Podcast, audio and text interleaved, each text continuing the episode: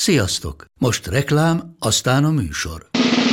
A műsor, valamint az élményekkel teli utazások, személyre szabott ajánlatok és állandó kedvezmények támogatója a Molmove hűségprogram. Nyisd meg a Molmove appot a profilodba belépve, add meg a Sport TV promóciós kódot, és tankolj Molevo és Evo Plus üzemanyagjainkból 15 forint per liter kedvezménnyel. Ne feledd, a Sport TV promókóddal most még jobban megéri Molmove tagnak lenni. Vége a reklámnak, jön a műsor.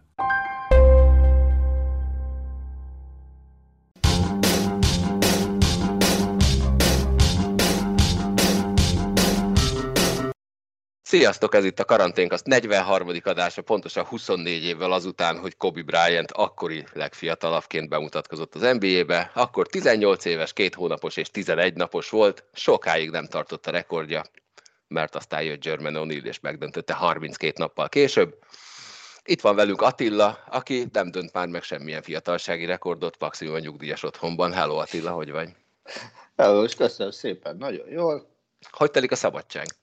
Kérdezd meg Máté Pált, aki ezt nagyon, nagyon mélyen át tudja érezni, hogy az ember szabadságon van. Jó, majd, hogyha bekapcsolod őt valami meetingen, ahogy szoktad, akkor majd megkérdezzük tőle. Nem, ki van lőve minden olyan alkalmazás a gépen, ami meetinget hívhat össze. Nagyon rendes vagy. Skype. Szerencsére nem tudja az azonosítóját, de még azt is meg van kockáztatni, hogy kezelni se biztos. Jó, hát nem ügyes. Itt van velünk Szadiszló Csabi. Hello Csabi, mi újság a konyhában? Hello, igen, visszatérek jó sok hét után a karanténkazba, mert hogy most ez a legdurvább hét, ami volt valaha. Úgyhogy úgy döntöttem, hogy itt az idő, hogy egy kicsit kijöjjek a konyhából, vesszük föl, nézők jövő tavasszal láthatnak, nem állít meg minket a koronavírus és semmi, éppen Kornél. Tehát tulajdonképpen update az Elip stúdióját. Hát ez az, tehát... Azok felépítették az Alpha Hold bázist. Hagyja már! ez, ez egy nagyon finom upgrade. Tehát amikor végre megépül majd a kedvenc csapatom stadionja, az ehhez képest nem lesz ám. Ez, ez, itt, ez itt kvantumugrás. És itt van velünk Ádi is. Hello Ádi, hogy vagy? Sziasztok, kiválóan, köszönöm szépen. No, beszélgessünk fiatal játékosokról, akik 18 éves korukban, vagy akár annál korábban is bekerülnek bármilyen profi sportligába, vagy profi sportcsapatba. Az NBA-ben miért jellemző egyébként az, hogy sok ilyen 19 év alatti csávó mutatkozhatott be? Hát mert vannak jó példák. Van jó példája Kobe Bryantnek, van jó példája Kevin Garnettnek, LeBron Jamesnek, hogy, hogy ez időnként azért beválik, hogy gimnáziumból valaki egyenesen megy az NBA-be, ugye még mindig elég nagy divat a one and done, egy év az egyetemen, és akkor még mindig 19 évesen mutatkozol be az NBA-ben. Egyébként az az érdekes, hogy hogy Bryant, hogyha, hogyha megnézzük, akkor, akkor az első két évében azért annyira nem volt nagy király. Tehát James az első évében nem is játszott sokat, azt hiszem, hogy ilyen, még 10 pont alatt is átlagolt még az első szezonjában. A másodikban már ugye följebb tornázta, és minden idők legfiatalabb osztárja lett, osztár játékos a 19 évesen, de hát azért van, vannak nála jóval. Máról mondjunk, és, és egy, egy egészen döbbenetes példát, az ugye Luka Doncic, aki megérkezett az NBA-be Európából, jó, nem nyeretlen két évesként, de 19, és rárukta az ajtót olyan szinten az NBA-re, hogy még tínédzser soha. Tehát igazából most, most, ha egy ilyen listát nézünk, azon szerintem LeBron James az első, hogy kik minden idők legjobban bemutatkozó tínédzser az NBA-ben, de szerintem Luka Doncic azok alapján, amit tizenéves korában művelt az NBA, ő most már simán második, mert tripla-duplákat ért el, amire korábban se James, se Bryant, úgyhogy nálam ő egyértelműen ott van a... Azért is furcsa nekem az NBA, mert ők azok, akik a leghasonlóbb rendszerben működnek, mint mondjuk az NFL, és hogyha az NFL-nél megpróbálnál egy olyan keresést csinálni, hogy NFL játékosok 20 év alatt, akkor a Google azonnal korrigálna arra, hogy próbáld meg 25 alatt keresni, mert 20 alatt egyet-kettőt fogsz találni mindössze pedig ott is ugye ez az egyetemi rendszer működik, hogy onnan tudsz kiugrani, onnan mehetsz draftra. Csak nagyon nincsen más, amiből ki tudsz indulni, nem? Tehát az, hogy te téged az NFL draftra elvigyenek, hogy egy, egy gimis bajnokságban mutatott teljesítmény alapján, mert ugye nagyon fontos a fizikai felkészítés is nyilvánvalóan az NFL játékosoknak, tehát ilyen szempontból is sokkal nehezebb mondjuk azt bejósolni, hogy valaki mire lehet képes, szerintem, aztán javítsatok ki, hogyha nagy hülyeséget mondanék szerintetek, de azt tudnám maximál képzelni, hogy tényleg mondjuk az irányítóknál lehet releváns az esetleg mondjuk, hogy mit csinálnak gémiben, nem? Én is pont erre gondoltam, hogy szerintem, szerintem a fizikai felkészültségnek, annak a pár év fizikai érésnek, annak nagy szerepe van a, mondjuk az NFL-ben, hogy mennyire törnek össze, meg mennyire nem törnek össze 18 évesen, de ezt én is így félig kívülállóként mondom. Az NBA-ben az, hogy egy 17-18 éves gyerek vékonyan is rohadt gyors, és ez oda elég lehet, meg ügyesen dob, a, a, őt más simán be lehet. Galus, az NFL-ben nincs olyan szabály eleve, hogy, hogy X időt el kell tölteni egyetemen, és csak úgy lehet bekerülni a ligába? Hát szerintem sokkal, de nem sokkal szigorúbb egyébként, mint a, az NBA. Tehát az NFL szabályai alapján is 19 évesen simán vihetnének ah, és játszhatnak. Bevallom őszintén, én tegnap megcsináltam azt, amit mondtam most, hogy keressek rá a Google-be, és nézzem meg, hogy hány 19 éves játékost ad ki. Elsőre találtam egy, egy cikket, abban összesen két olyan játékos volt benne, uh-huh. aki 20 alattiként lett ledraftolva. Az egyik az Daniel Hunter 2015-ben, egy amerikai, jamaikai defensive end, és 19 évesen draftolta a Vikings, és, és abban azért be is kezdett játszani. És a, a legfiatalabb Amobi Okoyen nevű ember, akit 2007-ben draftolta. Igen, félig nigériai srác volt. Ja, ja, ja, ja. Én ezt a kettőt találtam speciál 20 alatt.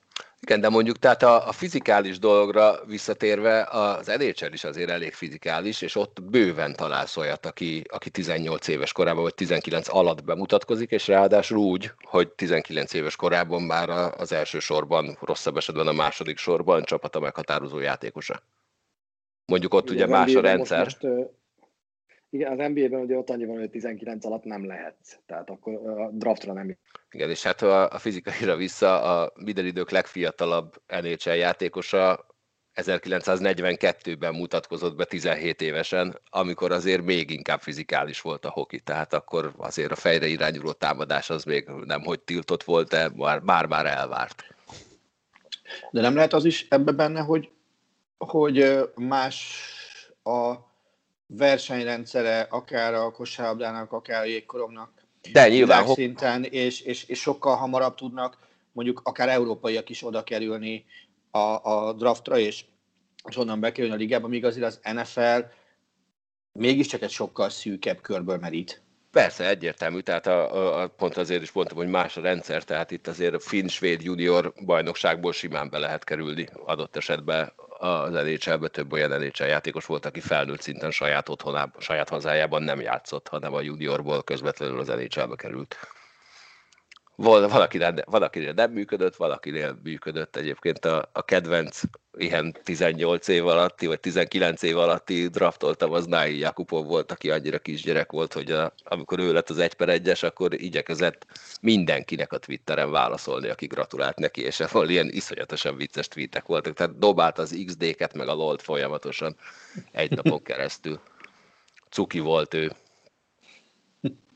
De Jakubov az uh Elitta az eszét Amerikába, vagy, vagy könnyűnek találtatott, és azért ment haza Hát ő nagyon könnyűnek találtatott, a profi, profi szintet azt ő nem ütötte meg. Tehát egy hmm. kicsit ilyen csélcsapcsávó volt, nem jött ki a, az ő tehetsége, tehát még a minden idők legrosszabb Kolorádójába sem fért be, úgyhogy most valahol a KHL-ben próbálkozik. Ó, Moszkva van egyébként. Hát gondolom ott is valahol a harmadik sorban. Tehát ő, ő az egyik, egyik, egyik leginkább basztras sikerült egy per egyes választás. Milyen volt a Fradi Dinamo Kiev? Én altattam, nem láttam előle egy kockát. Tényleg elmegyünk a kedvenc az tínédzserek mellett? Olyan Ke- ja, bocsánat, de, de végig gondoltam. Ádám, ki a kedvenc tínédzsered? nem, akkor ezt, olvastam ezt a, a tervben, ezt a részt, akkor nekem egyből Szabi Csimre ugrott be. Még annak idején a Fradiban őt még ráadásul nyíltette be a csapatba, és azt hiszem, hogy pont egy zárt kapus meccsen, most nem nagyon sokat látunk, de akkor azért más okok miatt került sor ilyesmire, és 17 évesen elkezdte, már bocsánat, tényleg szarni a gólokat a Fradiban, úgyhogy olyan gyorsan, hogy aztán az első szezonja végén el is vitték a Sturmhoz. Aztán ahhoz képest meg mondjuk, amit nyilván én gyermeki fejjel, akkor én belesejtettem abba, hogy mi ki az ő pályafutásából, talán olyan nagyon sokat feltétlenül nem érte, de Magyarországról indulva meg az, hogy egyáltalán Bundesligába eljutott meg, volt még ott jó szezonja is, meg még a Unitednek is rugott gólt a bajnokok ligájában, az meg önmagában egy baromi nagy dolog, meg úgy egyébként is így a magyar futbolisták közül az abszolút a vállalható pályafutások közé tartozik az utóbbi évtizedekben, amit ő produkált. Ha már foci, akkor nekem a én még, én még mindig nem hiszem el, és minden egyes alkalommal, amikor valami miatt készülnöm kell Gianluigi Donnarummából, hm. akkor megnézem, hogy hány éves, és nem hiszem. Ez a csávó, akiről már évek óta beszélgetünk, mint a Milán első számú kapusa, most 21 éves, és 16 évesen mutatkozott be a Milánban. Egészen brutális. És már akkor is úgy nézett ki, mint... Mint ha 21 éves. De mondjuk ilyen szempontból meg akkor nyilván Gigi Buffon lenne még az adekvát példa, aki abszolút hasonló módon mutatkozott be annak idején. Akkor most én játszok Ádámot, és hozok ilyen motoros példát. Nekem bevallom őszintén Valentin volt, volt az abszolút kedvenc, aki talán 18 évesen már Robbie Hoodot játszott világbajnokként, meg, ilyen apróságok voltak, oké, hogy csak 125 lett ott még bajnok és a bohóc kategóriába, tehát már ott lehetett látni, hogy, hogy egy baromi nagy motoros lesz belőle, és hát nálam ő minden idők legjobb motorversenyzője, tehát ezért lehet, hogy az Ádi azt mondja, hogy hülye vagyok. Nem fél. mondanám ezt semmiképpen. Az jutott eszembe, egyrészt nyilván a motorosoknál ez olyan szempontból érdekes téma, hogy ott azért elég fiatalon kezdődik ugye effektív a pályafutás a kisebb kategóriában mindenképpen. Tehát Jorge Lorenzo például annak idején, amikor bemutatkozott, akkor még 15 év volt a minimum korhatár, azt hiszem spanyol nagydíj volt, de a lényeg az volt, hogy a pénteki szabad edzésen még nem vehetett részt, mert szombaton volt a születésnapja, és akkor az időmérő már ott lehetett. Tehát ott azért ezt az, azóta fel is húzták egyébként 16 évre, úgyhogy nála fiatalabban bemutatkozni mostanában biztos, hogy nem fog senki. Ott a tinédzserek azért jellemzőbbek a kis kategóriákban, az, hogy valaki a MotoGP-be mondjuk már tinédzserként felkerüljön, azért az annyira nem persze. Na, akkor én is elmesélem a kedvenc fiatalomat, aki Gabriel Landeskog volt a Colorado Avalanche-ben 19 év alatt már gólt lőtt, és ő, ő benne az volt az érdekes, hogy ő egy svéd ember, aki pont az ilyen közösségi médián kiderült, hogy jobban tud angolul, mint az amerikaiak többsége, és egy borzasztó intelligens valaki. Hát abban a, a Colorado-ban nem volt nehéz kitűnni, úgyhogy neki, hogy valamit kéne csinálni, amivel címlapokra kerülünk, úgyhogy őt még 20 éves kora előtt kinevezték csapatkapitánynak, ezzel ő lett akkor minden idők legfiatalabb csapatkapitánya, azóta ezt a csúcsot is megdöntötték már, úgyhogy ez volt a Colorado egyetlen pozitív kivenetelű eredménye abban a szezonban. A Csávó azóta is csapatkapitány, és pont azt a fajta hokit játsza, amit én nagyon-nagyon szeretek. Csíp, ütrúg, harag, harap, blokkol, és néha be is lövi.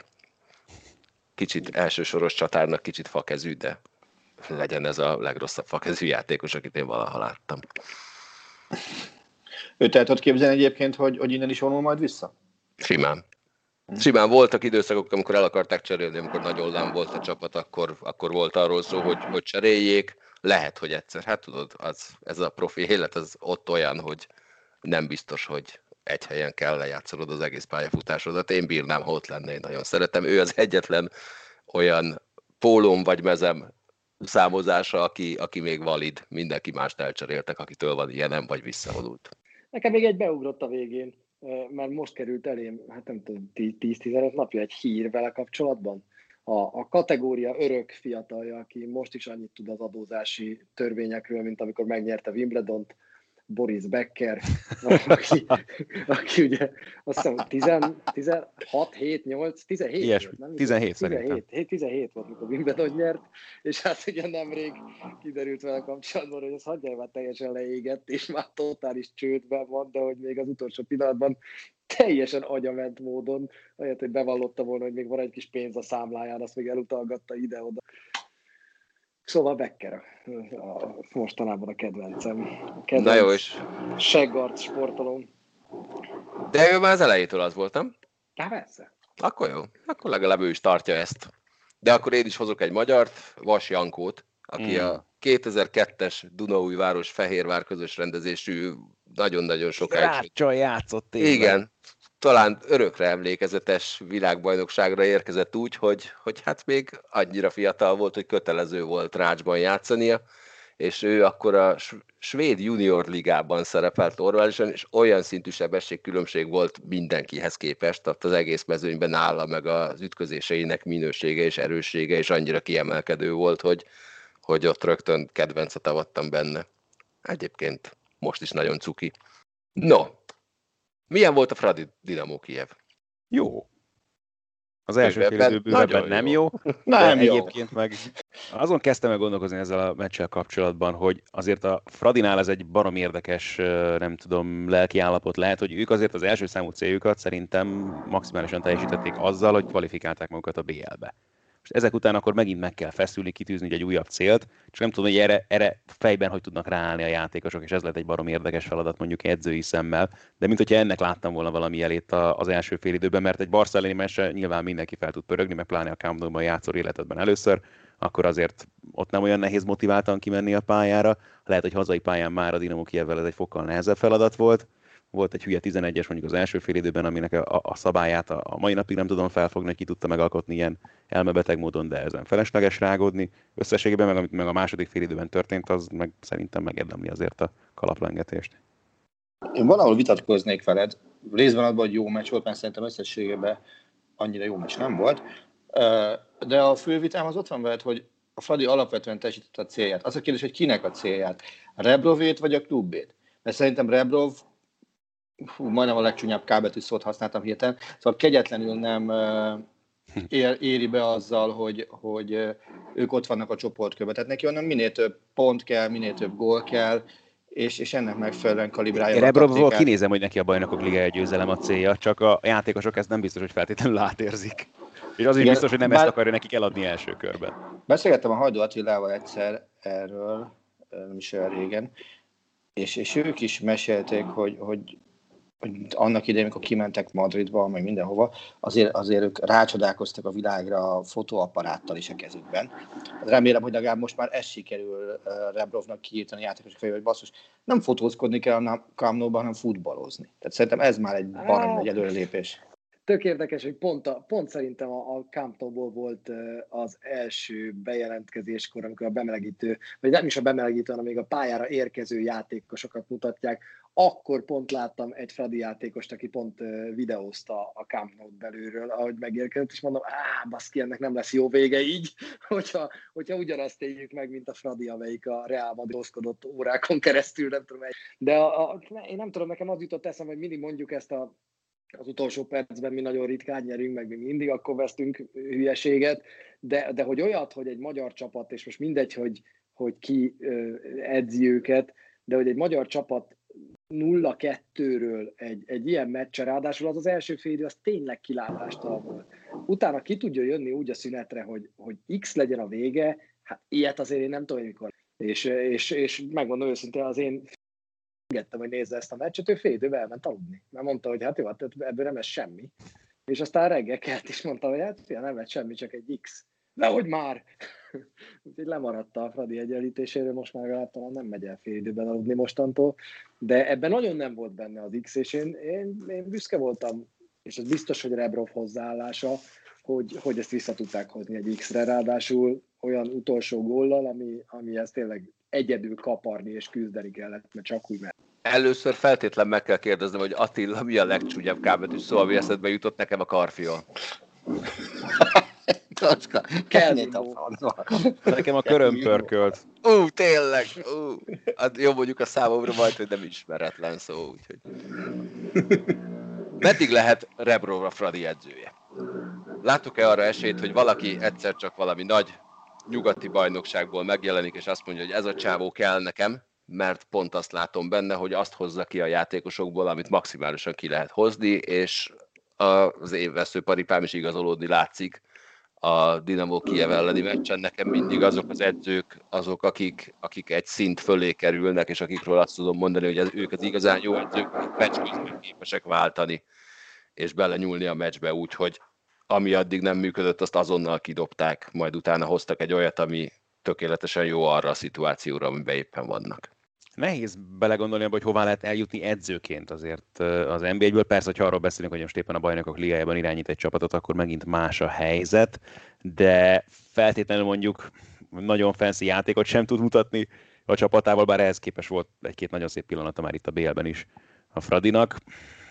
Nem tudom, ugye Kievet nyilván megjárta már, azt nehezen tudnám elképzelni, hogy ő vissza akarna feltétlenül oda menni, ha csak nem látna valami olyan előrelépést ott a klub környékén, ami azt vetíteni elő, hogy mondjuk stabilan bajnokok ligájában lehet dolgozni mondjuk azzal a csapattal. Mondjuk éppenséggel erre utaló jelek azért lehetnek most itt, akár csak az idei szezont is látva. Nem tudom, az itt ott még eszembe, hogy játékosként ő megfordult a Tatanemnél, Zsozénak nem tudom még mennyi lehet ott majd a kifutása, de, de kevésnek érzem PR szempontjából azt, hogy ő az NBA-ben dolgozik, az, hogy innen nagyot ugorjon. Szerintem, hogyha biztos vagyok benne, hogy neki abszolút megvan a motivációja és a, az elszántsága, eltökéltsége, hogy komoly klubban, komoly szinten dolgozom majd valamikor még, de biztos, hogy nem az lesz a következő lépés még a számára. Hát de már csak azért is gondoltam, mert nyilván nem az a kiindulási pont, hogy ő most az NB1-ben bizonyít a magyar bajnokságban, ami lehet, hogy azért alapvetően radar alatt van tényleg, de ő egy létező labdarúgó volt, akiről azért az egész világon tudták, hogy kicsoda. Így van, így van. Tehát ezért az biztos, hogy esélye lehet neki, hosszú távon arra, hogy akár igen komoly klubnál is feladatot kapja majd valamikor, de első körben szerintem még mondjuk, ami reális lehetne a számára, az mondjuk valamelyik komoly bajnokság középmezőnye esetleg, vagy pedig esetleg egy kevésbé komoly bajnokság, mondjuk ami egyel a, a top alatt van, de annak valamelyik igen komoly csapat, amelyik Tehát mondjuk egy Fenerbahce.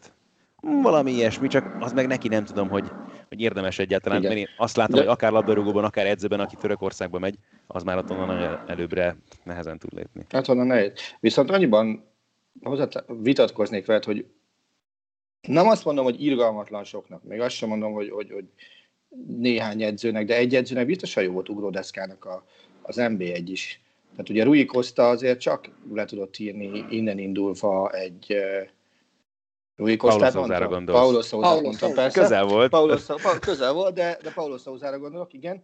Csak már összekevertem, bocsánat. Szóval, hogy Paulo Souza innen indulva elég szép ö, karriert is be tudott futni azért edzőként.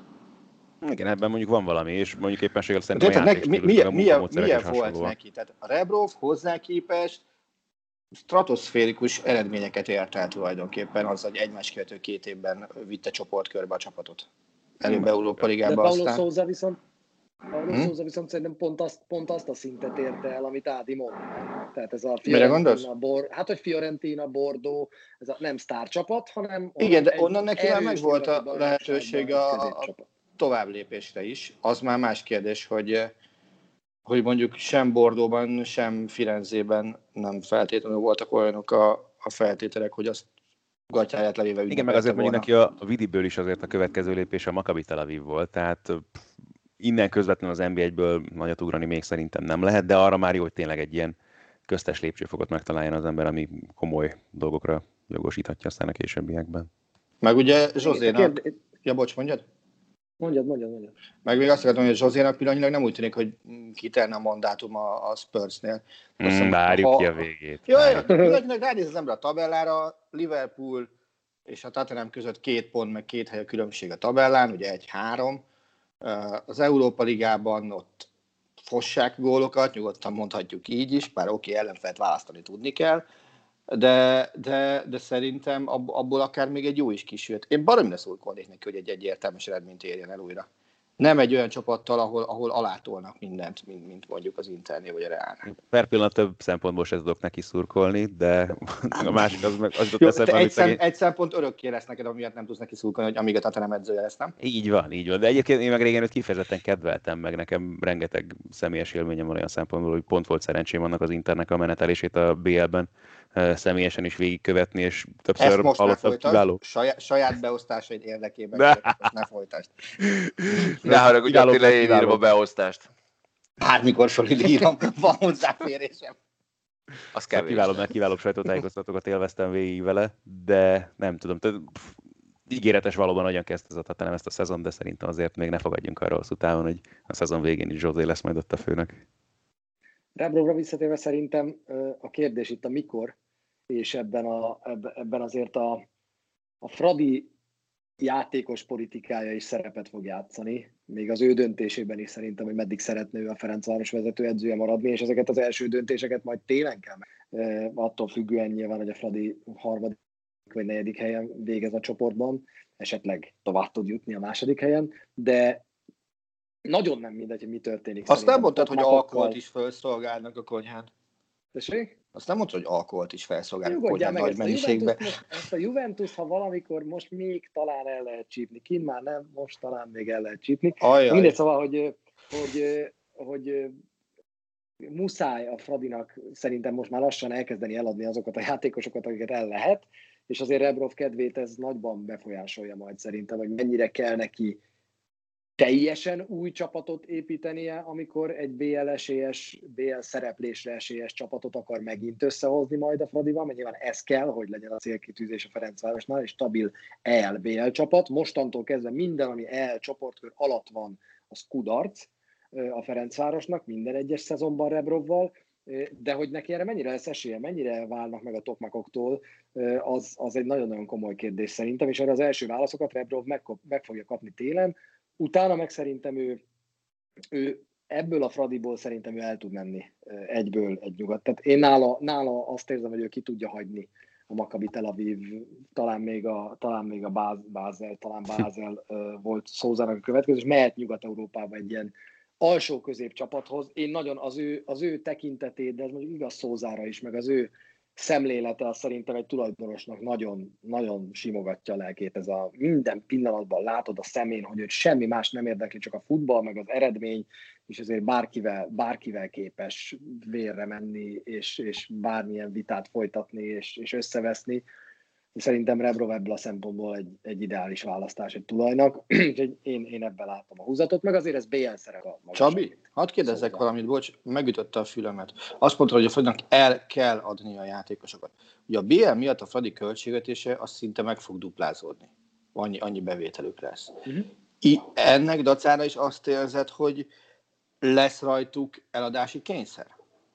Szerintem ez más nem mondott, mint a gazdasági racionalitás. Tehát, hogy attól függetlenül, hogy te bejutottál a BL-be, ha te ezt állandósítod, itt vagy belekerülsz egy csapdába, vagy pedig elkezdesz előre menni. Szerintem, ha én lennék a Ferencváros vezetősége, én a legnagyobb értékeket, akik mögött már van megfelelő csere, vagy tudok hozni olyan játékos félpénzből, aki hasonlóra képes, mint például Tokmak, akinek már az életkora is azt indokolja, hogy most, ha kapsz érte egy milliárdos ajánlatot, akkor add el, én őket elkezdeném eladni, és helyettük Rebrovra hallgatva olyan játékosokat hozni, akik pótolni tudják őket. Ha ezt most nem kezded el, akkor a fizetési igények egy idő után felzabálnak, és, és, és azért a játékosok meg a ügynökeik nem hülyék, egy stabil BL csapatnál nem 20%-os fizetésemelést fognak kérni, hanem duplázásokat, ami, amit, amiben meg szerintem sokkal rosszabb játék. Utána egy-két-három játékossal igenis so, 4-5 millió eurós eladásokról beszélünk, de ezeket el kell kezdeni. Ebben abszolút egyetértek. Itt, most itt bocsánat, csak az a kérdés merül fel, Bocs. és nem tudom, hogy annyira akarunk beszélni erről a kérdésről, hogy mennyire működik és mennyire kell piaci alapokon működni ugye a Fradinak. Hát figyelj, én szerintem, most ha meghagyjátok a választ nekem erre, én szerintem nem kell. Tehát azt kimondhatjuk uh-huh. szerintem, hogy nem kell. A Fradinak nem kell piaci alapon működnie, de a Fradi hosszú távú sikerét viszont szerintem azt szolgálja, ha megpróbál úgy cselekedni, uh-huh. mint egy olyan csapat, amelyik, amelyik része az európai foci vérkeringésnek, mert szerintem ezzel leszel vonzó mondjuk más játékosok számára is ha azt látják, hogy te három-négy év múlva is a Ferencvárosban játszol, az nem biztos, hogy annyira vonzó, mint ha azt látja egy játékos, hogy innen el lehet angol, olasz, német stabil Bundesliga csapathoz játszani. Ez egy jó ugródeszka, egy, egy, egy nagyon jó egy nagyon jó állomás egy játékos pályán. Egyelőre kisebb, két kérdés. Egyelőre akkor kisebb, szerinted azt kéne itt megcsinálni, mint mondjuk a Salzburg csinál pillanatnyilag nagyban, ez az egyik, és a másik, hogyha neked most kéne mondani a Fradiból három piacképes játékos mondjuk a top 3-at, akkor az mondjuk uh, Tokmát, Szomália, Dibusz, vagy nálad más? E, igen, akár, még akár Haratint is ide venném, igen. Tehát szerintem, szerintem mondjuk egy top, top 5-öt simán össze tudja mutatni ebben a BL-ben. Mi volt a másik kérdés? Salzburg, kicsiben ja, igen, igen, hát ha most, igen, igen. Igen, az lenne egy, egy, egy logikusnak tűnés jó lépés, hogyha tényleg el tudnánk jutni oda, hogy megint legyen mondjuk Szabi Csimré a Ferencvárosnak, tehát egy olyan játékos, aki legalább valamilyen szinten köthető a csapat utánpótlásához, és be tud épülni, és, és tud a szurkoló kedvencévé válni, annál akár hosszabb távon is, mint hogy ez történt vele annak idején. Meg akartam kérdezni valamit Csabitól, csak mindegyen azt mondtátok, hogy innen az út egy top alatti közepes csapathoz vezet, de azért csak megkérdezem, hogy Csabi bírnád, hogyha Rebrob lenne a Róma edzője? Én, én sokakkal ellentétben én nagyon elégedett vagyok Paulo Fonszékával, tehát én, viszont minél kevesebb vezetőedzője van a Rómának, annál kevesebb vezetőedzőt viszünk szívroham, meg agyvérzés környéki állapotba azokkal a tulajdonosi viszonyokkal, amit ott vannak. Karakterre bírnám, igen, uh-huh. tehát ez, ez a gatyábarázós típus szerintem oda nagyon el kellene, de, de én nagyon jó ne. Figyelj, most hogy, hogy lenne vele elégedetlen, amikor a Juventus-tól alig egy vagy két pont választja el a Rómát? A tabellán? Nem hát attól függ, hányadik a Juventus várja. Na jó, ezt hagyjuk. Jó, bocs. De, de Rómában, amit ki lehet hozni ebből, azt ő kihozza, és az állandóságból igyekszik meríteni. Most már azt is kezdem bele szeretni, hogy, hogy igenis megmutatja a vezetőségnek, hogy jó, ha ezek a játékosaim vannak, akkor akármilyen szarok játszhatom őket, és mondjuk a két tércalak szakadás átesett Kárdorpot, addig, addig játszatja a csávó, és addig engedi hibázni, amíg még a végén járt meccs után, most már ezt a hozzáállását is kezdem szeretni. Úgyhogy a, ő, ő most azt mondja, hogy oké, okay, hogyha nem tudunk játékost igazolni, akkor én az összeszokottságra építek, és a legtöbbet. Nem menjünk el ennyire messzire. Rebrovot bírnám egyébként, karakter szempontjából nagyon bírnám, de pont erre mondom azt, hogy szerintem karakter szempontjából bármelyik, aki, aki keres egy keménykező edzőt, már pedig ilyet sokat keresnek, sokan keresnek szerintem nyugat-európai középmezőnyben, annak ez tetszik. Megy valamelyik őtök holnap, amikor felveszünk ezt a podcastet, akkor ked van, megy valamelyik őtök szerdán a Fradi Juventus meccsre? Nem. Nem. Nope. Hát akkor ezt a meccset nélkülünk rendezik meg, és mégis megfogják, marad a tévé. Én a Magyarország-Izlandra sem megyek, ha minden igaz, mert ott voltam kihegyezett bankkártyával a jegyárusításnál péntek reggel, aztán kiderült, hogy én futball, MLS futballkártyám az már rég nem számít MLS futballkártyának. Van egy ilyen, nem tudom, öt éves műanyag darabom, de és aztán az első belépésnél azt, hogy írja be a kártyaszámot, beírtam, azt mondja, írja be a PIN kódot, de mondom, ehhez nincs. Úgyhogy kiderült, hogy... Jó, hogy mondod, be, akkor így meg se próbálom, mert ugyanolyan van nekem is, mint neked. Hát, Hát egyszer, ha lehet, lehet egyébként, hogy nem én vagyok az egyetlen a világon, aki marhára nem érti egyébként a magyar labdarúgó mérkőzésekre való jegyvásárlás, jegyvásárláshoz szükséges kártyarendszert. Lehet, hogy csinálhatnánk egyszer egy olyan műsort, melyben ha valaki ezt érti, akkor azt elmesélné, mert én aztán ebben nem bírnék kiigazodni, de örülök, hogy ezek szerint teljesen ti sem. Na, én feladtam. Tehát én, én ott voltam nyitásra, beírtam a kártyaszámot, elakadtam a PIN kódnál, és akkor úgy voltam vele, hogy na jó, most akkor regisztráljak még egy kártyát, vagy kettőt pontosabban, mert a fiamat is akartam vinni, akkor, akkor egy nap, mire az megérkezik, de hát addig én nem örülök ennek a három meccsre kötelező jegyet venni dolognak. Ez a Fradinál van, hogy egyszer. Nem, ez a Nem, ez a válogatottnál. Azt hittem, hogy a Fradinál is úgy van, hogy... Nem, a Fradinál ráadásul nem kötelezően csak három meccset venni. Ott volt két meccses puskásos bérlet is, nyilván ugye az eltérő mert nézőszem miatt. Nézőszem miatt, igen. De nem, a, a, a válogatottnál csak úgy tudsz most jegyet venni, hogyha ha beválod a hármasugrást, vagy Izland, Törökország, Szerbia, azt hiszem ez a három. Igen, igen, igen. Igen, igen mert ruszkik már voltak itt, úgyhogy, úgyhogy, úgyhogy igen, ez, ez, a, ez a három meccs, és ezért, ezért lehet jegyet vásárolni, vagy erre kell jegyet venni, hogyha akarsz menni. Fradidál is el tudnék képzelni egy ilyet, van lehetőség arra, hogy Juventus, Barcelona, mezőkövesd. Sima. Azért, azért a kedvenc robotot következik. Jaj, ne. Úgyhogy arra, nem, nem, arra kész, nem, nem, készülj fel röviden mindenkitől azt arra, hogy mit vártok, mi lesz a vége a Ferencváros Juventus mérkőzésnek, Csabi pontszerzésben, vagy győzelemben is akár? Az elkapni a Juventus-t az állat mit jelent pontot szerezni, vagy nyerni is akár? Hát most persze kicsit túlzás az, hogy el lehet kapni Juventus, de egy hazai X szerintem benne van. Én egy ugyanúgy egy 2-2-t várok, mint a, mint a Dinamo Kiev ellen. 2-2-ben reménykedem, mint a Dinamo Kiev ellen. Ronaldo csatár lesz, 9-es lesz, CR7, most CR9 lesz már állítólag, de ugye hátul még nagyon lyukas a Juventus. Úgyhogy én abban bízom, hogy, hogy most, most ugye a Fradi hazai pályán, mert az előző meccs hazai pályán volt, de volt azért nagy tétje, most igazából ha 0-3, akkor sincs semmi. Úgyhogy én abban bízom, hogy most kijön belőlük az, ami a 95-ösekből a Reál ellen. Attila? Hát, én, én ennél pessimistább vagyok, bevallom őszintén. Én egy-három környékét várnék, sajnos. Vagy tippelnék, inkább nem várok, mert nyilván várni az ember jót vár, nem rosszat. De, de én az, azt gondolom, hogy, hogy itt egy két gól annyira a Juventus, és, és sajnos Ronaldo fog gólt is rúgni a meccse, hogyha játszik. Ádám? Inkább Attilához értem közelebb magamat most ebben a kérdéskörben. Ez nem, nem, merek, nem merek olyan optimista lenni. Különben is tudod, ennyit nem kell itt az előző Zsozés megjegyzéseim után a feszültséget. A feszültség jó, ha van. Én csak annyit szeretnék egyébként, hogy ugyanolyan mémek szülessenek Ronaldóról, mint a magyar-portugál meccs után. Ja. Szintén szem, nem szenvedett feleséget, de jöhet a, jöhet a toporzékolós hiszti.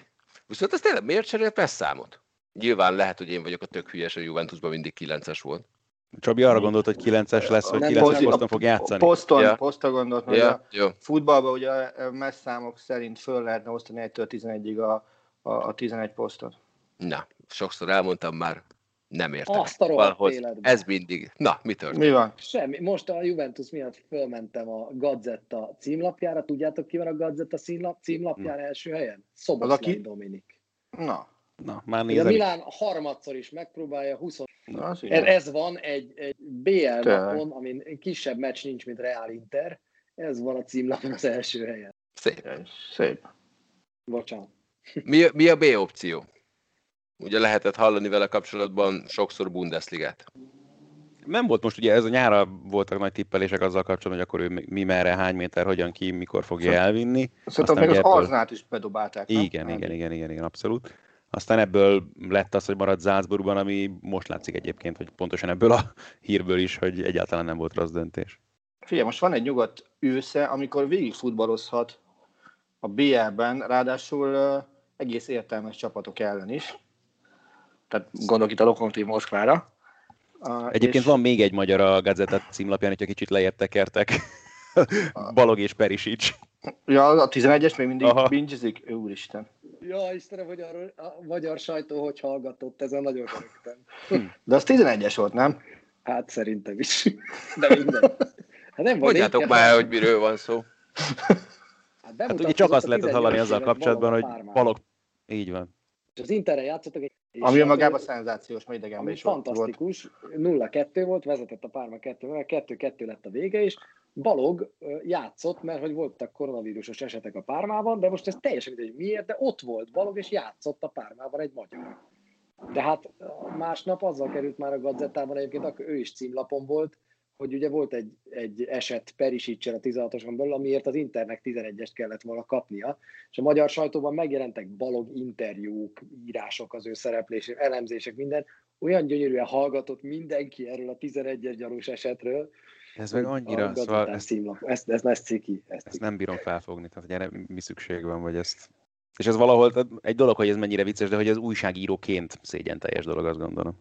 Hát erről Attila tudna nyilatkozni, hogy mennyire az. Eléggé. Nézd, én azt gondolom, hogy, hogy biztos, hogy volt olyan interjú készítő, én abból tudok csak kiindulni, aki nem is látta a meccset, elolvasta izéket, itthoni kommenteket, amik magyarul voltak, elolvasott egy-két tudósítást, ami, ami gyorsan született meg, és, és ugye ott még az első ilyen live tudósításban, ami olyasmi volt, hogy balok közbelépése is kellett a párma pont szerzése, ez valahogy így volt megfogalmazva, most pontosan nem tudom idézni sajnos, de ezeket felületesen elolvasod, és aztán feljövő a srácot, és beszélgetsz vele. Nyilván ő meg nem olyan hülye, hogy fölhívja a figyelmet, hogy srácok, én ott akartam csinálni egy 11-et, csak nem sikerült. Tehát ezt, ezt valószínűleg nem fogja előadni.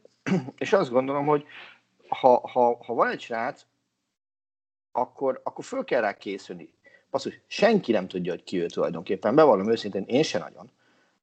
De, de ha veszed a bátorságot, hogy írsz fel egy, amiket láttam alsó hangon 2500-3000 karakteres interjúkat, akkor arra készülj már föl, és ne csak ilyen újságírói panelekből építkezz, hogy ú, mekkora bravúr a Párma játékos, ilyen 18 évesen bemutatkozni a szériában, mekkora bravúr, hogy az Inter ellen 2-2-t játszatok, milyen érzés volt lejönni a pályára, stb. stb. Hanem, hanem kicsit több kéne ennél. Azt gondolom. És igen, itt jön képbe az, hogy láttad-e a meccset, mert láttad a meccset, akkor megkérdez azt, hogy ugyan már mire gondolta ott, amikor Perisicsen megpróbálta egy váldobást intézni. Aki a hangokra kíváncsi, egyébként valószínűleg Attila háta mögött a halálcsillag épül. Igen, igen épül lakás, tehát a fölöttem lévő lakó úgy, úgy érezte Frankónak, hogy, hogy megkezdi végre az öt éve halogatott erkélyfelújítást, és végre a víz nem hozzám folyik a nappaliba, hanem hát az udvarra. Ez is valami, vagy csak szerepelni akart nálunk. Hát ez sikerült. Azt ez eléggé. Bocsánat, amikor tudom, lövöm ki a mikrofon, de néha Galuszka megszólít. Ja, hát ne, ne haragudj, most is megszólítalak. Kérlek szépen, heti rovatot következik, a lehető legrövidebben. Próbáld meg elintézni a Bayern szopkodását, hajrá. Jó, köszönjük szépen. És akkor folytassuk azzal, hogy Holnapi, ne, holnap utáni nemzeti sportban majd elintézem az Alaba Bayern München részt. Ott majd kifejtem a véleményemet erről. jó, tehát a holnap utáni nemzeti sportban lesz valami, amit nem kell senkinek sem elolvasni, hiszen mindenki tudja, hogy miről lesz benne szó részletesen. Attila, mikor nyert utoljára Sálke, és mikor fog legközelebb arra a meccsre szeretnék fogadni? Figyelj, akkor szerintem most menj el a totózóba, és fogadj hétvégén. Jó, majd figyelj, fogadj helyettem, én nem tudom, hogy kell. És, tehát azt gondolom, hogy hétvégén a szezon két legbalfaszabb német csapata találkozik egymással. Ketten együtt mínusz 30-as gólkülönbséget hoztak össze hat forduló alatt. És összesen kettő pontjuk van, konkrétan Mainz Schalke. És, és ez a Mainz, ez bármilyen röhelyes, ez még szarabb a Schalke-nál ebben a szezonban, mert pont nélkül. A Schalke-nek legalább van már két dő. Nézd, az bármilyen vicces, ugye most már 20 fölött van a Schalke nyeretlenségi sorozata, azt hiszem januárban nyertek rá legutóbb, és ami viszont érdekes, hogy még mindig messze van a német rekordtól, amit egy uh, Tasmania Berlin nevű uh, futballcsapat tart még 1900. Ez még a gyarmati idők, vagy mi? 65-66-os szezon. Kérlek elsőt, augusztus 21 és máj, május 14 között zsenge 31 mérkőzésen keresztül nem tudtak nyerni. És ugye minden idők legrosszabbul teljesítő csapataként estek ki az élvonalból. Aztán azóta, azóta nem is jártak nagyon errefelé. A csapatnak jogutódja sincsen pillanatilag, mert ugyanezen a néven szereplő szóval negyed vagy ötöd osztályú csapat jelleg az nem, nem jogutódja hivatalosan a, annak a Tasmania. Attila nagyon ügyesen választott csapatot, amikor kedvenceket kellett nála ügyesebben, már csak Zoli bácsi, akinek mindig van valami olyan csapat, akihez hozzá lehet nyúlni. Egyébben aktuális, aki jó, és akkor nem kell törődni ilyen rosszakkal. Úgyhogy inkább a többiektől kérdezném, hogy volt már olyan időszak az életetekben, amikor a kedvenc csapatotok annyira gyenge volt, hogy már csak röhögtetek minden meccsen és eredményem? Hát nekem az előző másfél-két év azért nagyjából erről szólt. Ez melyik csapatod? Az Arsenal. Neki, is csak, neki is csak egy van, tudtam. Jó, hát jó, hát sose lehet tudni, figyelj, Tehát több a- liga, lehet itt is kedvence, ott is, a San Antonio annyira azért nem volt rossz. Sőt, sőt, sőt, ugye mennyire közel voltak az, be is jönnek a rájátszásba. Igen, ők is csak önmagukhoz képest voltak rosszak. De a Roshingot hagyjuk meg Jó, másnak. a- rendben. Csabi, neked volt ilyen? hogy csak röhögni tudtam az eredményeket, hát a San Antonioval még nem, a következő pár szezontól azért fázom. Visz, hát a Rómával egyébként volt, két, két, két nagyon rossz időszak volt, az egyiket azt, azt egy olyan, az egy olyan szezon volt, amikor négy edzőnk volt, ami szerintem máig rekord. Akkor volt ö, úgy, hogy ö, Prandelivel kezdtünk volna talán, de ő ugye már nem jött a felesége halála miatt, és akkor jött Föller, Delnéri, és még valaki, mert Delnérit is kirúgták szezon közben, úgyhogy az szörnyű volt, és az, akkor ilyen 7 8 nyomultunk. És a másik az meg a Luis Enrique Zeman féle szörnyű Hú, arra emlékszem, Volt. arra az időszakot. Hogy ilyen- örültél Luis Enrique-nek az elején? Igen, akkor is ilyen hatodik heten nyomultunk, és hát most sincs másképp, úgyhogy de, de most, most, most viszont tudják vele, hogy ez egy nagyon terhelt időszak, túl kell élni, meg már kiröhögtem. De fél Kázdorp hétről hétre témát szolgáltat neked. Kázdort kiváló. Lassan megszeretem. De figyelj, a hétvégén az volt. Ameddig Kázdorp- volt, ameddig nem a seggén vette a levegőt. Hát Van az a klasszikus játékos, ami szerintem ilyen nagyon nem fordul elő egyébként szériá szinten már, hogy, hogy tudod, hogyha arra az oldalra kerül a labda, és egy az egyben marad a bal szélső a jobb hátvédeddel, akkor óriási baj van, abból helyzet lesz. És hogy vele most én ezeket élet, éltem meg az elmúlt pár hétben, hogy minden egyes alkalommal már fogtam be a szemem, mikor oda került a labda, de a csávó küzd, a csávó hajt, folyamatosan játszatja őt Fonszéka, mert látni akarja, hogy mire képes, hogyha játékban van. És én elkezdtem becsülni ebben a gyerekben, hogy, hogy ő, ő iszonyatosan akarja. Igen, hibázik, igen, gólt kapunk róla, de, de bízik benne az edző, megbeszélték, hogy játszani fog, játszik, és az elmúlt meccsen, tudom, 75. percben úgy kellett lecserélni, hogy az előtte lévő három lassításnál én már csak azt néztem, hogy mikor fog összeesni, mert egyszerűen egy úgy liegett, hogy így kapkodta a levegőt, és így láttad rajta, hogy teljesen kész van, és aztán végül megkegyelmezett neki Fonszika, és lecserélte, de most már én Kárzdorpot megszerettem, nem biztos, hogy ennyit akartunk Kárzdorp. Én nagyon örülök, hogy hallottam róla, majd rákeresek a végén. Tetovát. Ó, hát most egyébként én ezt úgy szeretem a mai napig van olyan, hogy mivel hogy nekem van tetoválásom, ezért pozitívumként említik, hogy nézd, neki is van, és így, és? De nézd, neki olyan nézd, lélegzik. Igen? Na, Igen. várjál. Na, beszélgessetek valamiről, megnézem. Vagy a nyakáig ér, meg ilyenek. Tehát, Jó, hát az De figyelj. tudom, Kár- de Conor McGregornak is vannak tetoválásai, még sincs rajta a szimpátia listám első 1500 helyén. Több, nem, több név meg most nem jut eszembe hirtelen. A Golan van- izgalmasabb ebből a szempontból talán. Tehát akkor oly- olyan, olyan szívás évet akkor nem éltetek át, mint én a drága avalanche a 16-17-es szezonban, a 82 meccses alapszakaszt sikerült 29,3%-kal befejezni. 22 győzelem, 60 nem.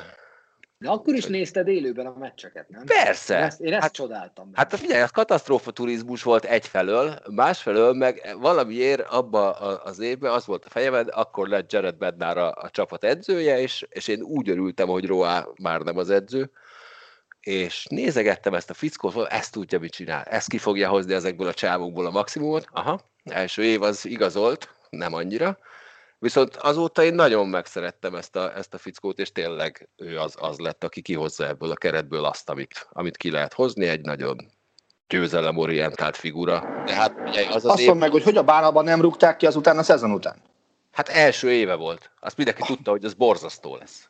Tehát Tehát, az, az, és, és az azt elfogadják azt, hogy van egy 20, 21 néhány százalékos eredménysorod, első év ide volt, hogy az NFL-ben ilyen után páros nyújtott lábbal rúgnak az óceánba. De az NHL-ben ezt, ezt okosabban csinálják, és erről talán valamelyik trash talkban beszélgettünk, nem is olyan nagyon régen egyébként, hogy ott, ott még, még mindig inkább megvan, vagy jobban él ez a, a hagyomány, hogy több bizalmat kapnak az edzők.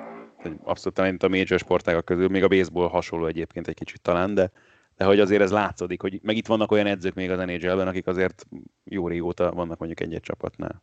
Igen, meg hát figyelj, hát ott, akkor azt lehetett tudni, hogy, hogy ez, ez, ebből rövid távon nem fogsz kijönni ebből a gödörből. Tehát ott jött egy edző, akinek volt látomása, aki azt mondta, hogy oké, okay, legyen az, hogy három éven belül hozok egy, egy stabil playoff csapatot.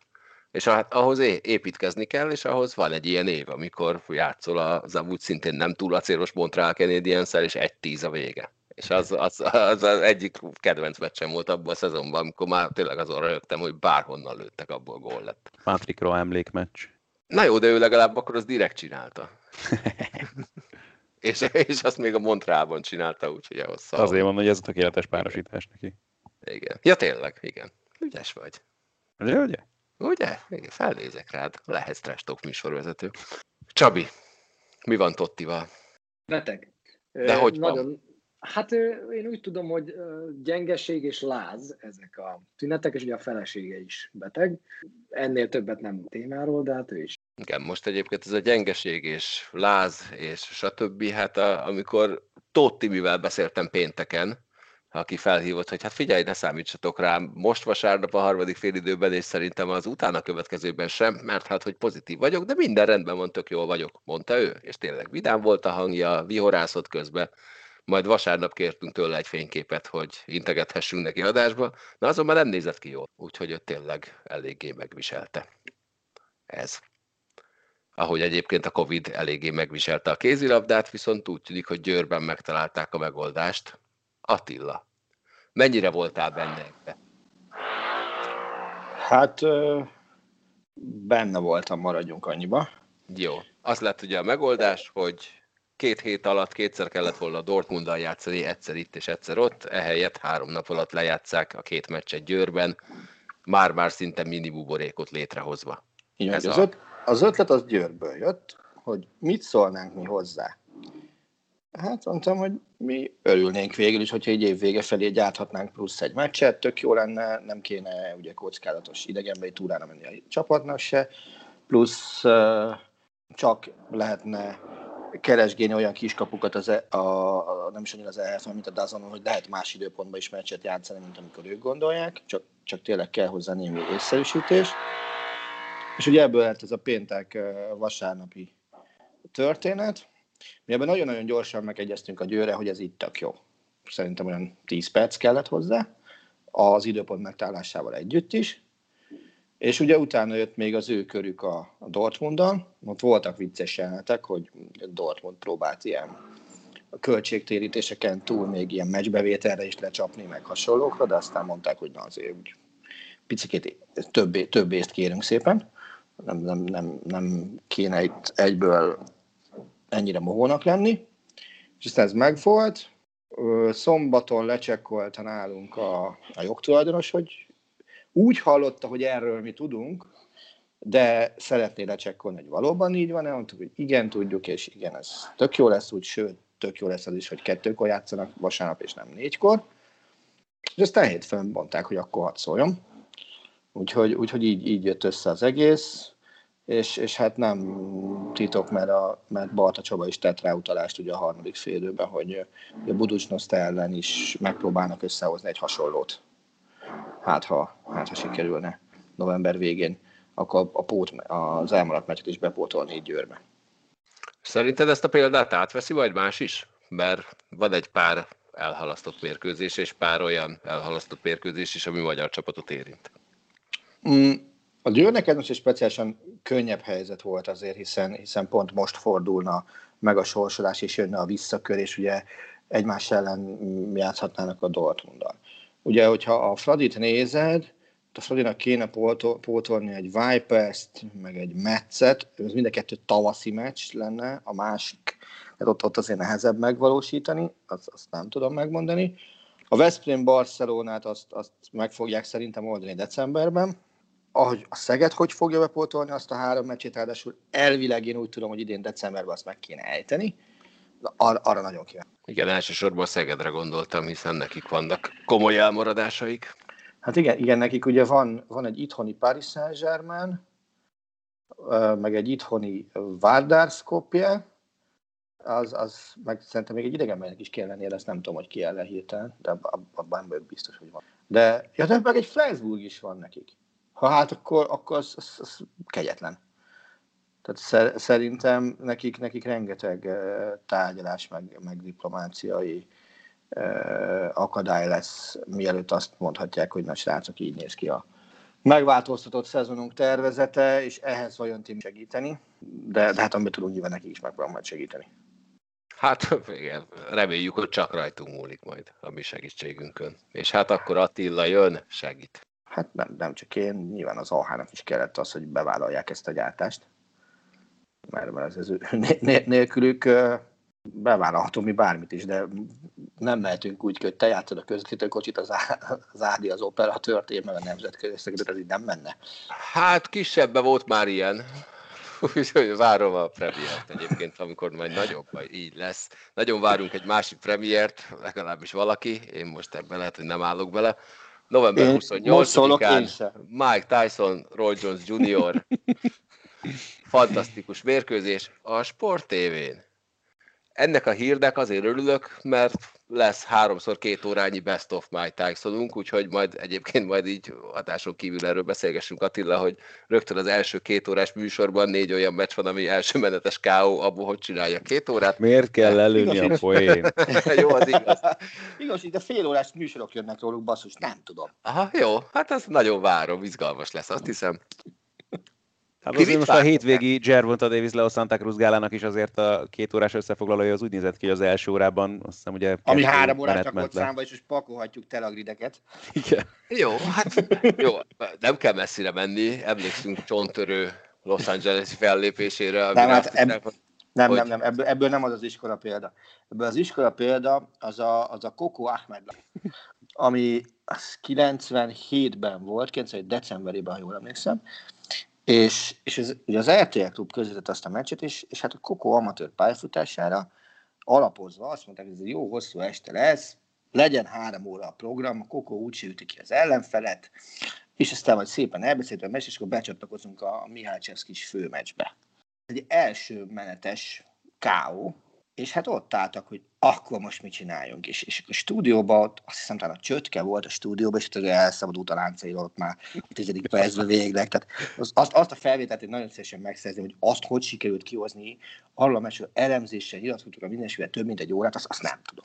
Tehát az, az valami olyan... vannak nyilatkozatai. Te, a, a csontörő az ugye azért volt izgalmas. A Gundit kiutaztatták Los Angelesbe. Hú, ott a hotelszobában is meg mindenhol forgattak, Persze. mint az egy, egy órás műsor terveztek, a Csisztu Zsuzsi volt a műsorvezető, és mindezt úgy bravúrra, hogy nem tudom már hány másodperc volt maga a meccs, de megcsináltak 59 perc 16 másodpercnyi adást úgy, hogy a boxmatchből egy kockát nem láttál egészen. Addig majd az lement, és mondták, hogy na ez volt a meccs, viszont látásra.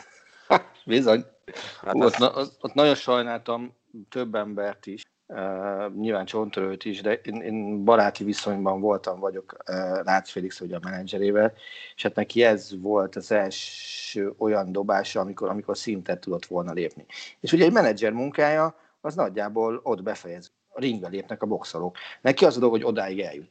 És, és ugye ennél nagyobb pofára esés szerintem, amikor oda mész egy VB címmeccsre, és úgy fölmossák veled a padlót, hogy, hogy arra szavak sincsen. Csabi, mit vársz ettől a Tyson Roy Jones Jr.-tól? Én csak annyit, hogy jól fogok szórakozni. Meddig? Hát Nate Robinsonon biztos jól fogok szórakozni, ha még mindig ő van. Aha. Az óriási lesz az NBA zsákoló bajnokod. Meddig fog jól szórakozni?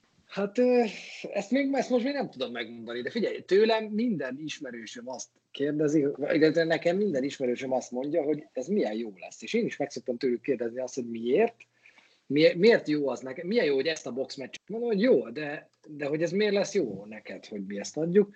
És akkor mondta, hogy hát azért, mert, mert, mert hogy őt látni, visszatérni, őket látni, az, az fantasztikus élmény lesz. Lehet, hogy nem lesz jó a meccs, de ezt nem is azért nézzük, hanem hogy lássuk. Én meg nekik elhiszem. Ilyen gála meccset egyszer már csináltunk, nagyon jó műsorvezetőnk volt rajta. Nem akarod ezt is megcsinálni?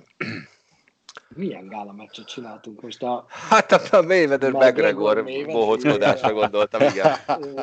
Azt hiszem, hogy... Figyelj, ott szerinte, figyelj, ott olyan világbajnok vendég felhozatal volt, ott mindenből a legjobbat akartuk. Nem hát. világból, olimpiai. Igen, figyelj, én szerintem nem.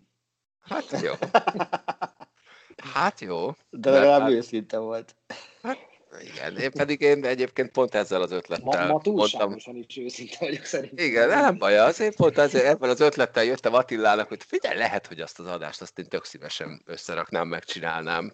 Úgyhogy majd castingolok hozzá kiváló műsorvezetőt. Katinkát megkérdezheted ráére esetleg. Kérdezd esetleg meg a másik vonalban lévő boxsal foglalkozó kollégát. Jó, hát itt a lehetőség, hát, élőben megtehetik. Hát, azért, azért, vagy. Figyelj, hogyha arról van szó, hogy kell készíteni egy adást, amiben Roy Jones Jr.-ról meg Mike Tysonról kell beszélni, az szerintem önmagában egy baromi jó dolog. És azt lesz tök szívesen be is vállalom egyébként, is. hogyha erről van szó. Hát most az megint egy másik kérdés, igen, hogyha mi van ott már a meccsekkel is kell majd foglalkozni, mert nyilván most a sportérték az erőteljesen megkérdőjelezhető már előzetesen is. Én arra lennék inkább kíváncsi egyébként, a, vagy azzal kapcsolatban lennék kíváncsi a ti véleményetekre, hogy Roy Jones Jr. mennyire maradt meg az Mike Tyson szerintem még azoknak is abszolút megvan, hogy egy egészen elképesztő boxoló volt, aki különösebben soha nem követték a sportágat, de Roy Jones Jr. meg alapvetően egy óriási király volt, és sokkal tovább fennmaradt, több súlycsoportban tudott világbajnoki címeket szerezni, óriási meccseket vívott, és szerintem valahogy sokkal kevésbé van meg egyébként a köztudatban az ökölhívás rajongóin kívül. Szeretnék válaszolni sorrendben a felvetéseidre. Először is, amiről te beszélsz, hogy egy Tysonról és Roy Jonesról szóló műsort rakjunk össze, ezt hívják a november 28 előtti utolsó trestoknak, ennek te leszel a műsorvezetője, yes. semmi akadálya. A de nem, ez figyelj, ez tök jó, az, egy, az, azt szerintem ez egy tök jó műsor lehet. Az, az, az, az Tehát van. Tehát azért a tele látványos jelenettel. Most Roy Jones... Az, egy, én... Egyet kérek, Galuska, azt igen. a káót mutasd be, Léci. Roy a háta mögött a keze, előre hajol, persze. Igen, nekem ez maradt meg Roy Jonesból nagyon sokáig. És őt látom annak, aki így a, a legjobban ledöntötte saját szobrát. Uh-huh később. Tehát az, aki már pénzért jár Oroszországba gálákra kikapni, majd felveszi az orosz állampolgárságot, hogy még jobb legyen az adózás, hogy még több pénzt kaphasson azért, hogy ő rendszeresen ott megjelenik, és rommá verjeti magát teljesen ismeretlen boxolókkal, azt én nagyon nehezen látom. Tehát, tehát sajnos ő, ő törölte azt a képet, amikor, amikor ő tényleg egy ilyen már-már cirkuszi ökölvívó volt, aki így a lehető legextrémebb módon ütötte ki, és hát mondhatjuk azt, hogy alázta meg ellenfeleit.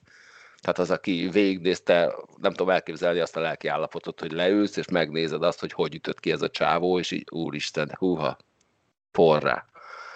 Tehát, hogy ő eljut odáig, hogy, hogy tulajdonképpen már abból él, és abból vannak bevételei, hogy, hogy elvállal olyan meccseket, ahol tudja nagyon jó, hogy ott meg fogják verni. Ez, az a, nekem, nekem nagyon-nagyon ambivalens érzéseim vannak ezzel a meccsel kapcsolatban. Nekem, amikor elkezdtem ökölvívást írni a nemzeti sportba 99-ben, nekem Roy Jones volt a kedvenc. Tehát ugye addigra, addigra már túl voltunk azon, hogy tudta mindenki a szőuli történetet, meg, meg nagyon sok egyéb dolgot. Csávó egy zseni volt. Szerintem egyébként nem ott baltázta el a pályafutását, ahol, ahol te mondod, hogy, hogy elment ilyen, ilyen eh, pénzélyes road warriornak, hanem, hanem ott, amikor bevállalta azt az iszonyatos hízást, és, és föltakarodott nehéz súlyba, hogy akkor ő ott is világbajnok lesz, ugye fél nehéz. Hát uh, azt szerintem, hogy orbitális fasság volt megcsinálni, és utána ott elkezdeni libikókázni a súlyjal. A test előbb-utóbb ezt kegyetlenül megbűnt. És, és én inkább onnan datálom azt a részt, hogy, hogy őt elvesztettük. Na igen, és de az egy, az egy rossz döntés. Tehát az, az, az egy rossz döntés, a másik az meg már egyértelműen ilyen megélhetési pojácáskodás. Tehát ha azt nézed, azért Tyson karrierje sem pont úgy ért véget, hogy úgy emlékszel, hogy húha. Már azért már nem is emlékszem, hogy ki volt az a két ember a végén, aki, aki nagyon simán megverte. Tehát Tyson-t káoszta. Szerintem talán Spinks volt, mindjárt meg, megnézem. Mert, mert ez így most elsőre nincs meg nekem. De, de ott már tényleg, tényleg vég volt, és ugye még, még volt olyan is, és lehet, hogy még ebből is sajnos az lesz, hogy valamilyen ilyen Tyson körültet akar csinálni ilyen meccsekből, hát szus ne akarjon már. Na, megnéztem, utolsó két verseny, kérlek szépen Kevin McBride győzte le uh, először. Igen. Igen, és előtte Danny Williams káoszta. Na, azt, az, az viszont tényleg egy szégyenes, ez egy Danny Williams, azt, azt, azt hadne. Tehát a Danny Williams profi mérlege 84 mérkőzés, 54 győzelem, 29 vereség, egy no contest. Ez a csávó verte meg azt, akire egy 6-8-10 évig úgy nézte, hogy azt a kurva, ez mit tud. Tehát nagyjából így. Kijött egy ilyen 188 cent, és nem tudom milyen magas Tyson, de ugye ő nem egy, nem egy égi messzelő, és, és kiro, 178, bocsánat, kirobbant a, a sarokból, és, és azzal a dinamizmussal, ha pofán vágott van, szerintem én meghal. Nagyjából olyan ütőereje volt. Ja, hát igen, de nem te lettél volna az egyetlen. Szerintem, ha így... Ez azért sor... nem vigasztalt volna abban a helyzetben, az milyen nem, nem mondja. Tehát el, előlász, el, előlász, hamarabb végzel. Tehát ha sorpokozás volna hármunk között, vagy négyünk között, akkor szerintem mindegy olyan rosszul pórul jártunk volna a végén. No. De ettől függetlenül biztos óriási csinnadratta lesz. De Viszont, bocs, bocs, egyet, egyet hagytál ki egyébként, Galus, a, a, a felvezető, mint nem csak ez a háromszor két óra mes lesz, hanem ami tényleg az ínyenceket érdekelt, teszem azt, arra emlékszem a Csabi például mennyire szerette az ESPN-es filmeket. Uh, lesz a... Lesz a, a Chasing Tyson, ami a Holyfield Holyfield elleni meccs. Elleni meccseket dolgozza föl. Arra baromi kíváncsi vagyok, és, és nagyon remélem, hogy, hogy arról Tyson valami tiszta pillanatában nyilatkozik, mert ott azért sok dolog érdekel. Nem hiszem, hogy van neki tiszta pillanatot, teszem hozzá az elmúlt húsz évben, de hát, ha találtak olyat. De nem, hát figyelj, hogyha ha megnézed, akkor, akkor Tyson csinált egy, egy egyszemélyes stand-up show-t is, ami egyébként tök jól nézhető és tök szórakoztató. Tehát nem vádolom abban, hogy annak minden mondatát ő írta, de tök jól adja elő. Azt, tök azt, azt, hogy majdnem azt, azt el akarták hozni Magyarországra is. Hát nem sikerült. Sajnos nem, igen. De majd mi elhozzuk Tyson-t Magyarországon a képernyőkre. Bizony. Szóval, Csabi, sajnálom, hogyha te ebbe valahogy nem veszel részt, majd valami bejátszót alá mondatunk veled. Majd nézem, de hogy nem vezet, majd nézem. Jó, oké. Okay, Jó, akkor Skype-on bekapcsolunk. Na, hogy vagy Csabi, évre vagy még? Valahogy világhírre kell juttatnunk majd téged ebben az ügyben. Nem tudom még, hogy hogy csináljuk, de majd gondolkodom. Viszont Csollák Márkó világhírű lett. Két nap alatt ő a MAC jégkorong csapatának 19 éves csatára, aki első pályafutása első felnőtt csapatbeli gólját gondolván megünnepli, nekiugrott a palánknak, a palánk betörte a plexi rajta, ő pedig kiesett a pályáról. Tessék, még egy tini. Igen, ez ugye akkor átment, hogy az én kedvenc jégkorong podcastom a Spitting Chiclets, amelyik azért amellett, hogy nagyon tartalmas podcasteket, nagyon tartalmas és nagyon vicces podcasteket készít, azért ők így a hoki ütőerén tartják kis kezüket, és minden hülyeséget megosztanak a jégkoronggal kapcsolatos. Sikerül megérkezett az első magyar kapcsolódású anyag is, amit ők azonnal megosztottak Páblik kb. három órával után. Ebben a podcastben meg... nehogy azt mondta, hogy a is nem volt benne soha. A Spitting Chickletsben? Nem. Szerintem akkor Felháborító. Még nem, nem akkor még nem volt Spitting Chicklets. Felháborító. Na, mi a kedvenc gólörömötök? Most, hogy ezt így felvezettem. Egyébként Ami... a videóanyagot majd csütörtökön, ha még nem láttátok 47 milliószor, akkor csütörtökön a Trestokban, és hogyha minden igaz, akkor Márkó is megszólal majd nálunk. Kedvenc gólöröm, ami, amin így tudok röhögni, és, és ilyen utat bejárt, az szerintem nekem Kopunovics volt. Amikor Aki fölött... eltörte a saját lábát? Vagy? Az, aha. Azon te tudsz röhögni, kedves vagy a Hülye vagy? Akkor ők hogy lehet valaki? Hát igazi Bayern szurkoló így röhög, hogyha valaki megsérül. De, de, de honnan tudhat, tehát hogy lett valaki akkora barom, mint, mint amit ő, ő, ő ott levezényelt, de utána valami BL, BL meccs előtt volt, vagy, vagy valami de az ráadásul nem, szerintem az, hogy magyar Szuperkupa meccsen meccs volt, volt de valami BL, me, BL meccs előtt volt az egy, ha jól emlékszem. De, de, de hát- lehet, hogy rosszul, de, de basszus, hát az, az, az valami iszonyatosan nagy, nagy fasság volt, amit ott művelt Kopunovics. Ezt máshogy nem tudom mondani. Csabi, kedvenc gólöröm?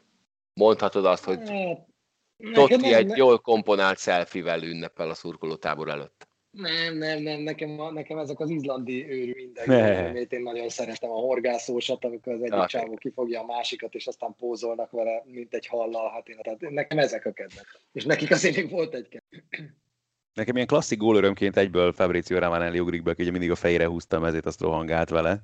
Ez azért egy páran elsütötték már életükben, de neki azért az védjegyes volt, meg elég sokáig üzte. És Derenko nekem volt még valamikor, hát ilyen kölyök koromban egy képernyővédőm, ami azt hiszem a Nike adott ki az ő általuk szponzorált játékosoknak a gólörömeit összegyűjtő, és el is volt nevezve az összes, és volt ott a Fanny valami, nem tudom, Monteverest mászos, hogy ráhúzta a mezét a szöglet zászlóra, meg uh, volt még egy pár benne, de amire kifejezetten emlékszem, az a Robbie Kinnek a, az a szaltózós és utána lövöldözős gólöröme volt, aminek az volt a neve, hogy Robbie Keens Don't Try This at Home.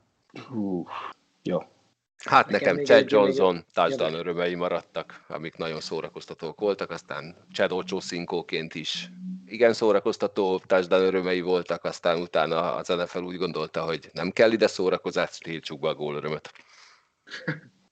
Annál rosszabb döntést hozott az NFL olyan, valaha is, vagy... Hát annál hülyébb döntést utána hozott, az is ezzel kapcsolatos, amikor elkezdték elemezni, hogy na jó, lehet csinálni touchdown örömöt, de nem használhatsz közben ezt, meg azt, meg azt, tehát amikor már ilyen, már, már ilyen forgatókönyveket írtak, hogy örülhetsz így, de nem örülhetsz úgy, és így mi van?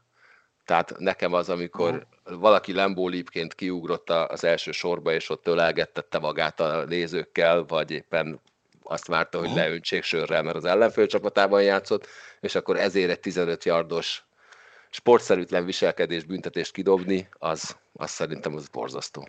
De hát ez van. Na, szerintem köszönöm, hogy itt voltatok. Csabival találkozunk csütő. De hogy búcsúzunk. Ádám, milyen volt a VTCR hétvégén? Hát, ez ilyen, nem is tudom, milyennek mondjam, mert... Szezonvégi hangulat uralkodik a VTCR-ben? Az még túlzás, mert akkor legalább hogy akkor éreznéd a feszültséget, meg az izgalmakat, de olyan szempontból meg érdekes volt, hogy a két első számú rivális, akik ugye vezetik a bajnokságot, Erlás és Gerier is, eléggé hátulra kvalifikáltak, vagy először úgy tűnt, hogy egymás mellé, aztán jöttek ugye itt a mindenféle éjjeli módosítások a kiszabott büntetésekkel kapcsolatban, akkor egyszer csak Gerrieri visszakapta az egyik körét a kvalifikáció első szakaszából, és akkor nem 18 hanem 13 helyről kellett rajtolni, úgyhogy még az se volt meg, hogy akkor Gerrierivel egymást piszkálják folyamatosan verseny közben.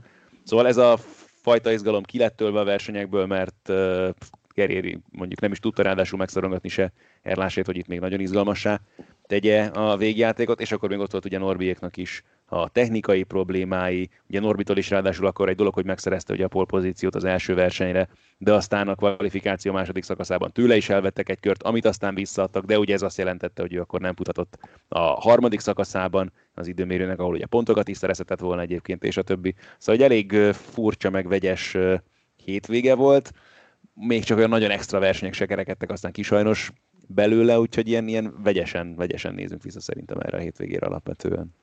Nekem az egyetlen pozitív az tényleg uh, zengőnek az őszinte megnyilvánulásai voltak. Megnéztem a futamokat, én nagyon-nagyon szeretem Micheliszt, minden ilyesmi, de hát szerencsétlennel itt most ami lehetett, az kibaltázott vele, de, de az, hogy, az, hogy Zengő Zoltán, amit most művelt, akár a kocsival, akár Aszkónával, az, az szerintem nagyon durva. Zoli egy érdekes de... figura, meg ő, ő, ő azért szereti ezeket kifejezésre juttatni, de az kétségtelen, hogy így ez a csapat tényleg úgy kezdte ezt a szezont, hogy nem voltak meg az autóik. Tehát, hogy ami, akkor találkoztak a versenyzők az új kuprákkal, amikor megérkeztek Zolderbe, és gyakorlatilag még ott az első tesztnapon is alig tudtak vele menni. Ehhez képest az, hogy Ascona most ott volt a dobogó tetején a második futamon, nem kell különösebben hangsúlyozni szerintem, hogy mekkora dolog. Ebben nyilván benne van az is, hogy Zoli csapata azért ugye nem ma kezdte már ezt az egészet, és valamiért nagyon jól működik, a Cupra is úgy tűnik, hogy egy jó autó, Ascona meg egy jó versenyző, és szerencsére most már például Boldis Bencétől is látunk egy-két ígéretesebb dolgot. Aztán szerencsére nagyon például az ő esetében sem beszélhetünk, mert a második és a harmadik futamnak sem tudott nekivágni valami rejtélyes elektronikai hibának köszönhetően. Úgyhogy egy kicsit még több szerencséje lehetne azért az engem mert most már legalább tényleg ez megvolt, hogy Ascona egy tökéletes futamot le tudott hozni, Bencének is jó lenne látni valami hasonlót, mert, mert úgy tűnik, hogy tényleg benne, benne is tud lenni. November 14-15 az utolsó futam, vagyis hát utolsó három versenyből álló hétvége. Mi kell ahhoz, hogy a harmadik versenyen még legyen tét az első helyel kapcsolatban? Hát az, hogy Erlásé nagyon ne húzzon el, most, hogyha valami hasonló történik mondjuk az időmérő edzésen, mint most volt vele, akkor az például hozhat még itt izgalmakat. Ugye 25 pont felett van most már az előny, azt éppen 26 vagy 27 Gerierivel szemben. Az ugye pont, pont egy futamgyőzelem így van különbség. Jó lenne, hogyha mondjuk az időmérőn esetleg tudna megint különbség kialakulni közöttük. Van esély abból a szempontból erre, hogy a Hondák most ugye itt a sok súly, büntetősúlynak, amit kaptak erre a hétvégére, abból valamitől elméletileg addig megszabadulnak és akkor azért közelebb tudnak lenni majd az élmezőnyhöz. Az fontos lenne nekik nagyon, hogy előrébb tudjanak kvalifikálni, és akkor már tudjanak ott az első versenyen is pontokat ledolgozni Erlásével szemben. Csak ez a Linkenko meg olyan, olyan szépen összeszervezte a csapatmunkát, és annyira egyértelműen alárendelt eddig is mindent itt Erlási eredményességének, hogy, hogy nehezen látom azt, hogy ebből komoly izgalmak kerekedjenek, de legyen, és, és azért benne lehet mondom, tehát az időmérő mások minden el fog dőlni ebből a szempontból, de az meg a másik, hogy főleg látva, hogy mennyi technikai probléma volt például ezen a hétvégén is, meg van ebben a szezonban alapvetően meglepő módon sok. Nehéz szerintem ilyesmit nagyon előre kijelenteni. Megemlékezhetünk arra is, ami volt tavaly az utolsó futamon, például Malajziában, úgyhogy azért ez izgalmas lesz várhatóan. Ja, Jádi, hadd kérdezzem már azt, meg annyit nem ismerem a szabályokat. E, ennek a három futamnak a végeredménye, az bármilyen szinten is befolyásolhatja a jövő év elejé büntetősúlyokat, és adott esetben lesz, aki erre is fog rájátszani, vagy ez totál fasság, és, és ez, ez nem számít oda?